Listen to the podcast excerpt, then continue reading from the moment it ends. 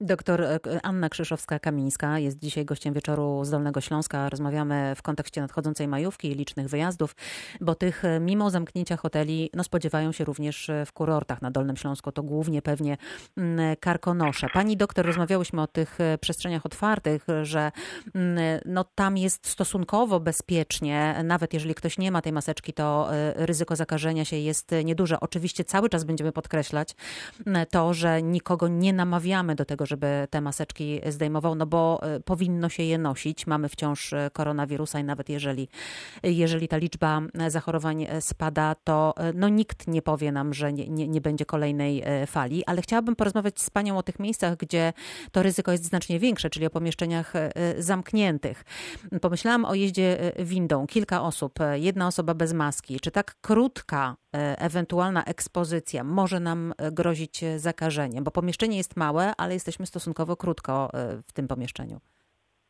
Generalnie na początku, kiedy e, weszła, rozpoczęła się pandemia, mówiło się o tak zwanym kontakcie e, z chorym, który grozi, znaczy, który niesie ryzyko mhm. zarażenia i mówiło się, że jest to przynajmniej 10 minut przebywania w pomieszczeniu zamkniętym z osobą chorą bez zabezpieczeń, czyli bez masek jednej i drugiej osoby. W momencie, kiedy w windzie my mamy maskę, ta druga osoba jest bez i jest chora, na przykład kicha, kaszle, bądź jeszcze nie wie, że jest chora, bo dwa dni przed objawami już jesteśmy zakaźni, o czym musimy pamiętać.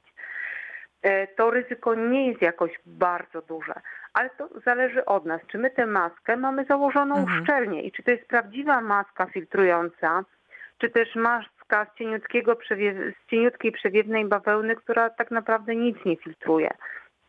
Mhm. E, to, to zależy, co mamy na tej twarzy. I jak się zachowujemy. A ja spotkałam się w ostatnim czasie z taką sytuacją, e, że jedna, osób, e, jedna z osób właśnie bez maseczki, jechałyśmy razem w windzie, poinformowała mnie, że, bo zwróciła mi uwagę, dla, dlaczego nie ma maseczki, bo powiedziała, że jest dwukrotnie zaszczepiona i w związku z tym bezpieczna. Na ile ta sytuacja była dla mnie bezpieczna, zakładając, że, że dostałam prawdziwą informację? No, dość bezpieczna dla Pani. Natomiast cały czas nie wiemy, czy ozdrowieńcy i osoby zaszczepione już dwoma dawkami nie mogą być transmiterami wirusa, tak? Bo one już raczej nie powinny zachorować, choć mamy osoby, które przechodzą infekcję drugi raz, czy mimo szczepienia przechodzą, ale łagodnie chorobę. Natomiast y, osoba potencjalnie zdrowa, a zaszczepiona, czy też potencjalnie zdrowa, taka, która przeszła, być może jest ryzyko, że przenosi tego wirusa w swojej nosogardzieli. Mhm. Tego nie wiemy na 100% jeszcze, tak? Jeszcze mamy za mało badań.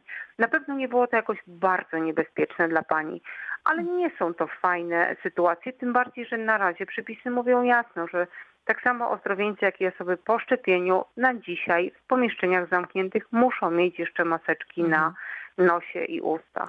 To teraz taka sytuacja dotycząca e, podróży. Dzisiaj pani Barbara Zabieglik, e, szefowa Dolnośląskiej Izby Turystyki, mówiła w wieczorze e, z Dolnego Śląska, że są kierunki zagraniczne chętnie wybierane przez Dolnoślązaków na majówkę. Na przykład takim kierunkiem jest Dubaj, ale tam leci się przecież kilka dobrych godzin w maseczce.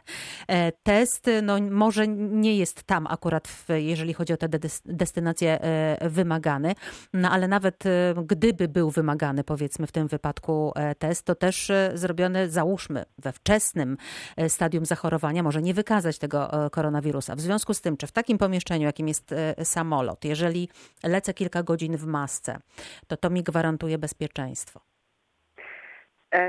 Prawidłowo założona maska, przylegająca, filtrująca prawdziwa maska, najchętniej FFP2 czy FFP3 w miarę gwarantuje pani, tak? Bo mhm. mamy przeselekcjonowanych sąsiadów pani, że większość osób powinna być zdrowa.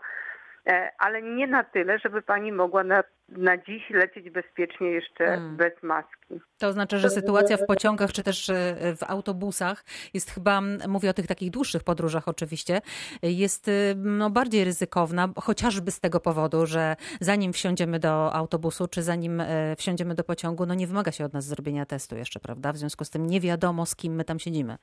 Dokładnie. Wydaje mi się, mhm. że, że, że wyjazd tutaj e, do Barda e, pociągiem, jeśli on będzie tłoczny, niewietrzony i będą ludzie no, zachowywać się nieodpowiedzialnie, bo cała ta choroba, cała ta pandemia uczy nas odpowiedzialności za siebie i innych. My musimy pamiętać, że my możemy być niebezpieczni dla innych. Tak, ja przejdę łagodnie, a osoba obok mnie może wylądować w szpitalu czy pod respiratorem, jeśli ją zakaże.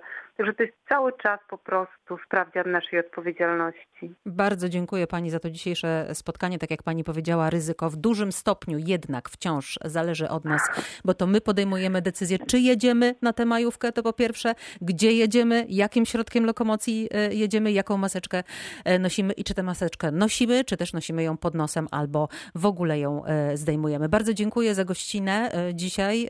Wszystkiego dobrego, dużo zdrowia życzę. Dziękuję bardzo wzajemnie. Dużo zdrowia i radości. Do widzenia. Do widzenia, dobrego wieczoru. Katarzyna Górna-Drzewosz. Ja również z Państwem się żegnam. Życzę dobrego wieczoru i bezpiecznej majówki przede wszystkim.